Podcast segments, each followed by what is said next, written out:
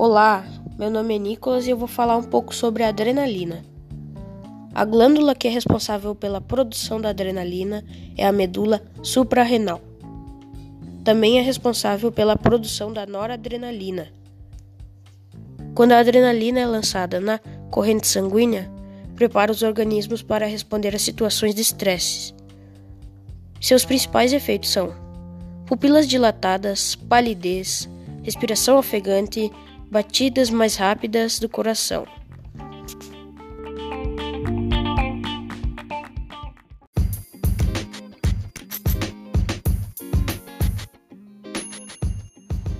A adrenalina é um hormônio, ou também um neurotransmissor, pois atua no sistema nervoso simpático.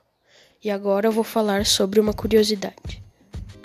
Por causa de sua ação sobre o sistema cardiovascular e respiratório, a adrenalina é utilizada na medicina como estimulante cardíaco, em caso de ataques de asmas para abrir as vias aéreas.